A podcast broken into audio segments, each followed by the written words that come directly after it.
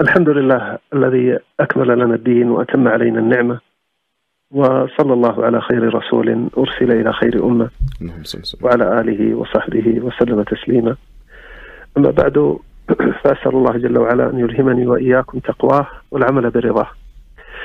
ليس يخفى أن من أركان الإيمان اعتقاد أن كل شيء بقدر الله سبحانه وداخل في علمه وكتابته وفي مشيئته وخلقه. سواء كان خيرا أو شرا فإنه لا يخرج شيء عن قدر الله سبحانه. فكما أن الخير بقدر الله فإن الشر بقدر الله أيضا.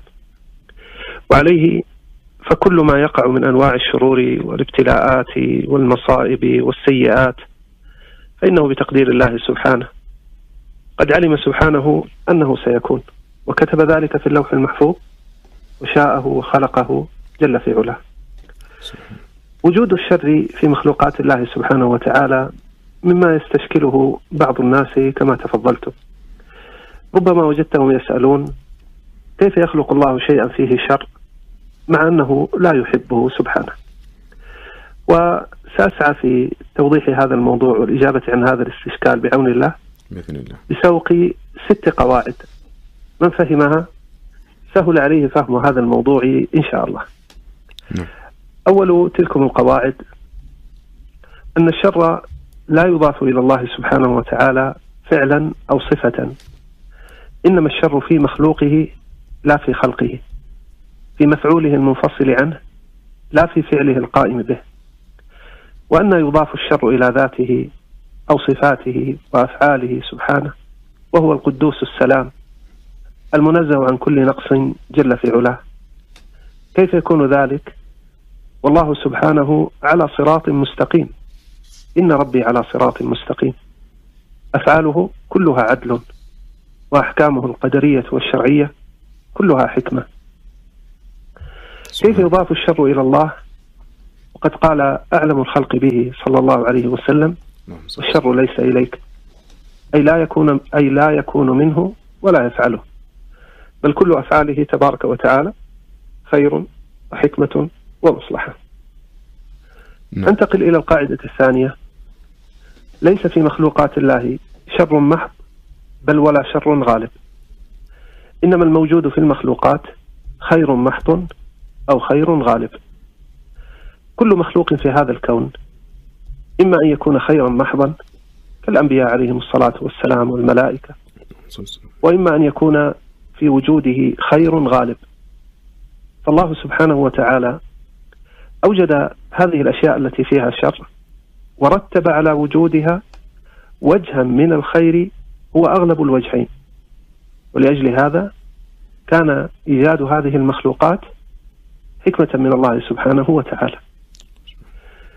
القاعدة الثالثة الشر في مخلوقات الله شر نسبي إضافي أي هو شر بالنسبة إلى محله أو لمن أصابه وإن كان مع وجود هذا الشر خير من وجه أو وجوه له أو لغيره حالا أو مآلا في الدنيا أو في الآخرة.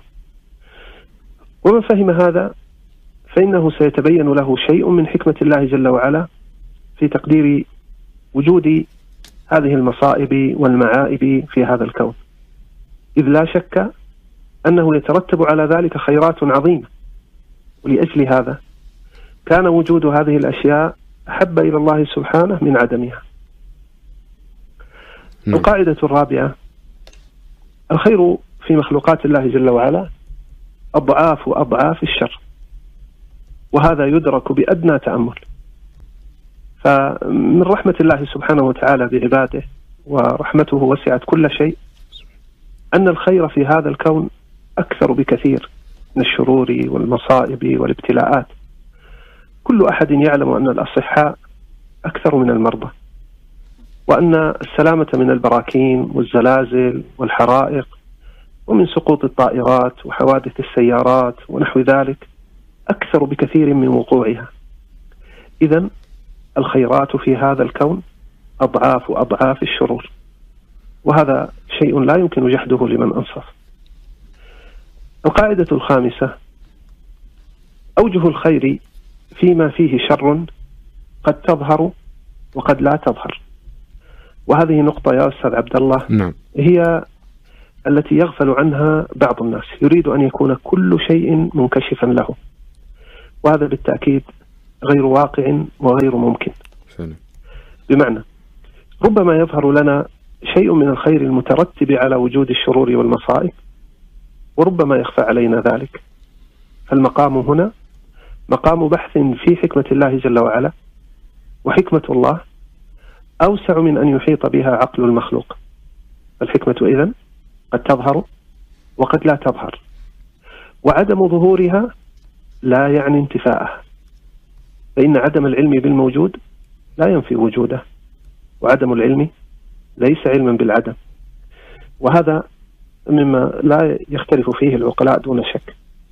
إذا الحكمة من إيجاد الشر موجودة ولكن لقصور عقولنا وأفهامنا فإن الذي يظهر لنا منها شيء وتغيب منا أو تغيب عنا منها أشياء. ونحن نستدل على ما جهلنا بما علمنا. م. القاعدة السادسة والأخيرة. الشر في مخلوقات الله مراد لغيره لا لذاته. بمعنى الله سبحانه وتعالى شاء وجود ما يكره من الشرور لأجل ما يترتب على وجودها مما يحب. قدر ما يكره لحصول ما يحب. وحصول ما يحب أحب إليه سبحانه من فواته. والقاعدة في هذا أن تفويت الخير الغالب شر غالب. والعقلاء يدركون حسن تحصيل ما فيه مصلحة غالبة وإن كانت فيه مفسدة قليلة. خذ مثلا. نعم.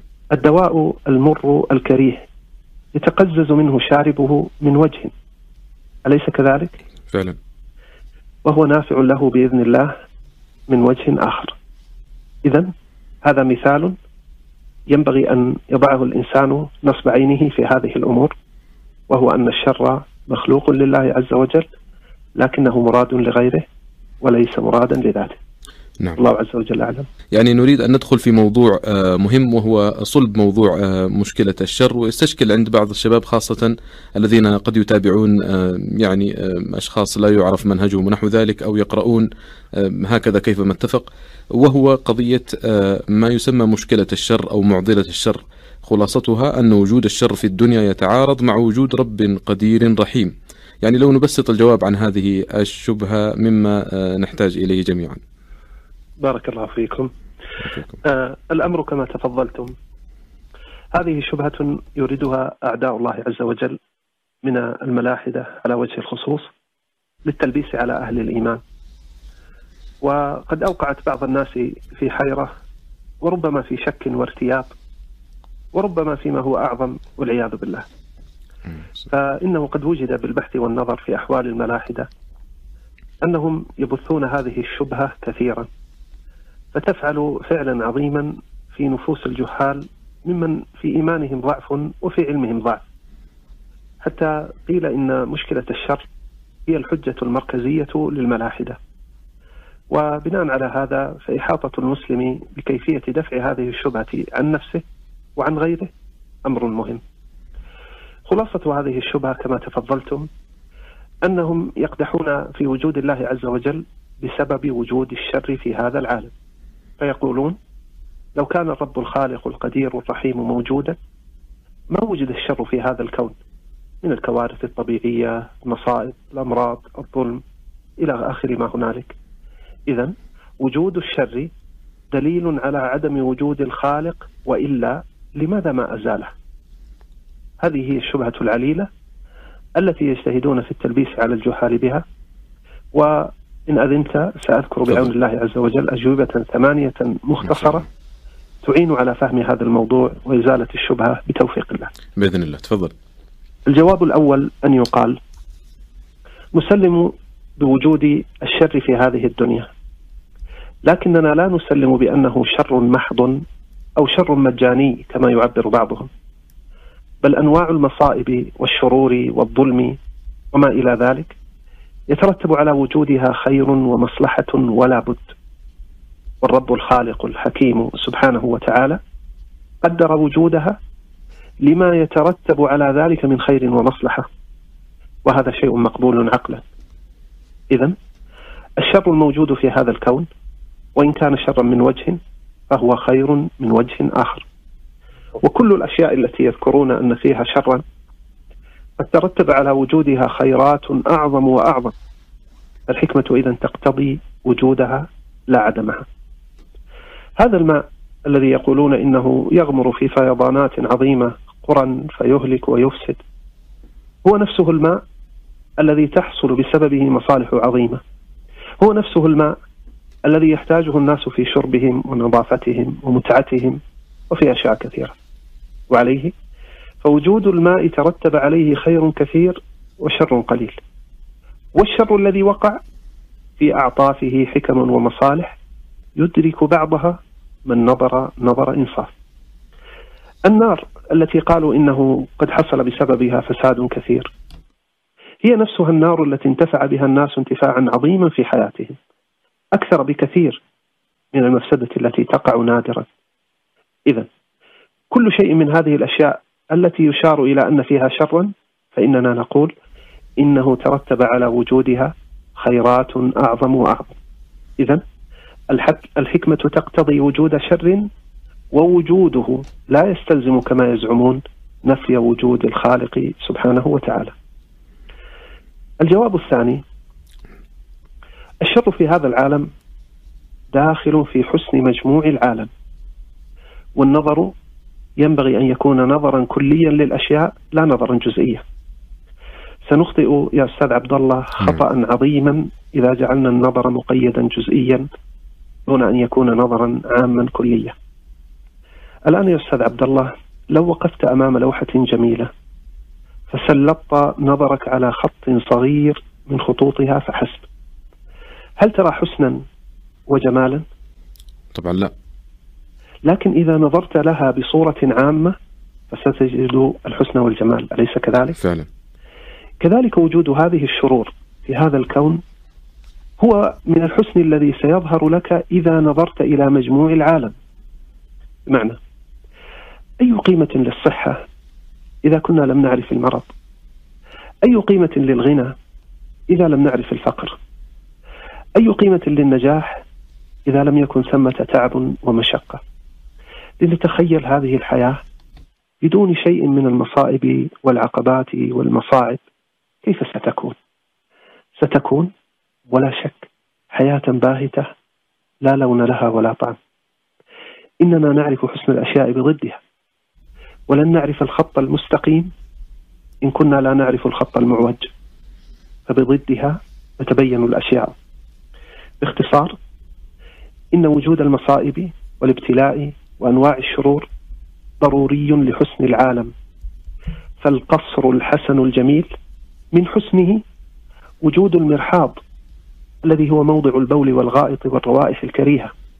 ومع عدمه يكون هذا القصر ناقصا فاقدا كمال حسنه هكذا ينبغي أن ينظر إلى هذا الموضوع. نعم.